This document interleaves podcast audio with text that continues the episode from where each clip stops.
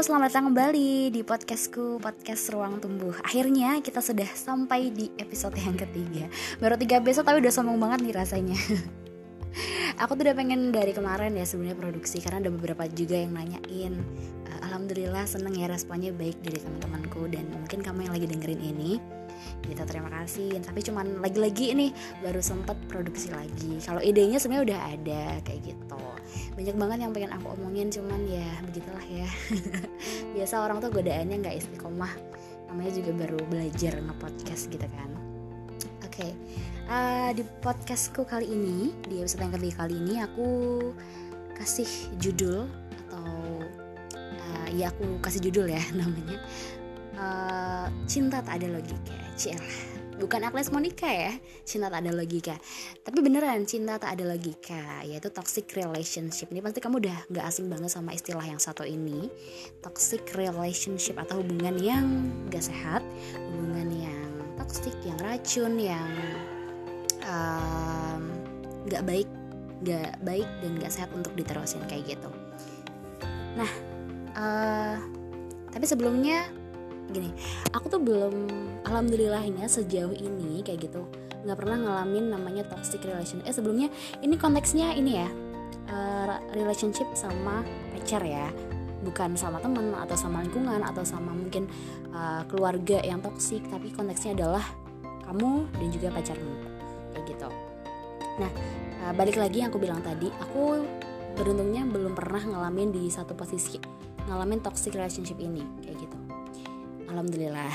Tapi teman-teman terdekat aku ternyata pernah mengalami hal ini. Dan jujur aku sendiri kaget gitu. Karena awalnya nggak ngerasa bahwa uh, dia itu ada di satu hubungan yang nggak sehat. Aku ngelihatnya kayak oh ya udah langgeng-langgeng aja. Aku ngelihatnya awalnya kayak yang ih gila ya so sweet banget kayak gitu. Bisa awet bisa langgeng kayak gitu kan tapi ternyata um, setelah berjalan cukup lama gitu ya temanku ini ambillah satu contoh ya karena nggak cuma satu ternyata. Satu uh, satu temanku ini cukup deket juga sekarang. Ternyata setelah aku kenal lebih jauh sama dia hubungan yang dia bangun selama ini sama pacarnya itu ternyata hubungan yang nggak sehat. Mungkin gini ngomongin toxic relationship ya mungkin karena kita sering nggak sadar gitu yang ngalamin tuh suka nggak sadar jadi kalau misalkan masih pacaran tuh ya udah jalan-jalan aja santai-santai aja gitu. Ini ada beberapa uh, contoh hal uh, abusive relationship atau toxic relationship yang korbannya ini sering nggak sadar bahwa dia ada di satu lingkaran uh, lingkaran yang mengikat kayak gitu.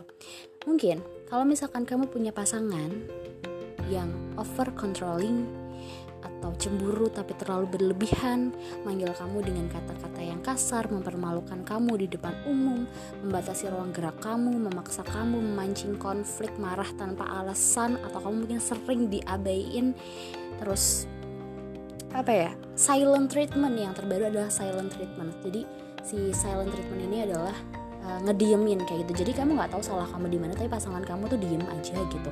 Ini kan nyiksa gitu ya. Nah ini hubungan yang nggak baik gitu guys. Mungkin kalau coba deh.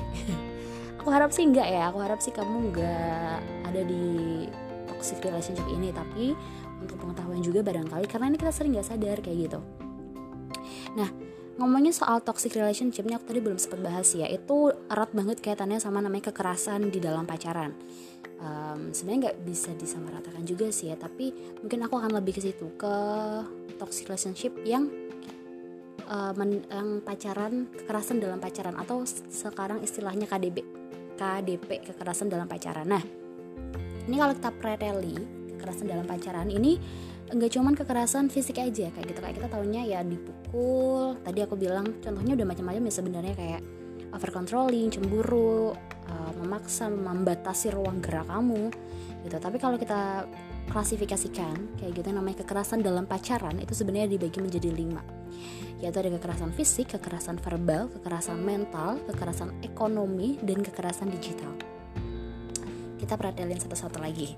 Fisik, gampang banget sih kalau ngomongin fisik ya. Kalau kamu pernah ditampar sama pacarmu, ini masih pacar udah nampar-nampar, gimana kalau nanti jadi suami gitu kan? Gawat.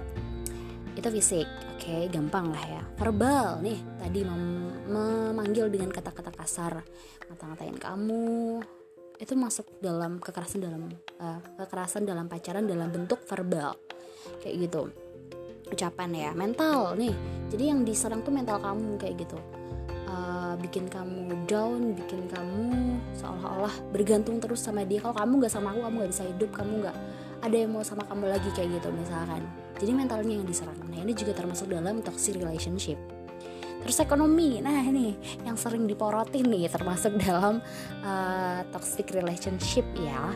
Jadi kalau misalkan pacarmu sering banget morotin kamu minta dibayarin terus tapi nggak pernah ganti kan ini juga salah satu bentuk kekerasan di dalam pacaran. Dan ini nggak sehat di kita dan yang terakhir adalah kekerasan dalam pacaran dalam bentuk digital. Nah ini mungkin uh, revenge porn revenge atau pesan pesan porno gitu ya. Misalnya kamu dipaksa suruh uh, ngirimin tab gitu ya yang oh gitu. Nah ini juga termasuk dalam kekerasan dalam bentuk digital. Nah seperti aku bilang tadi ini masalahnya toxic relationship ini kita sebagai korban tuh sering nggak sadar karena ya alasannya uh, takut gitu takut untuk mengakhiri hubungan yang gak baik ini. Dan kita seolah membenarkan si pelaku bahwa ya aku tuh masih sayang sama dia aku yakin dia bisa berubah kayak gitu. Masih sering ya denger uh, orang mungkin kamu pernah dicurhatin sama teman kamu. Ya tapi teman aku ini sayang banget katanya. Atau mungkin pacarmu deh kalau misalnya kamu ada di posisi ini gitu. Jangan sampai sih harapanku. Kamu bilang bahwa uh, dia bilang dia mau berubah kok kayak gitu. Oh ya dia mau berubah. Yakin dia mau berubah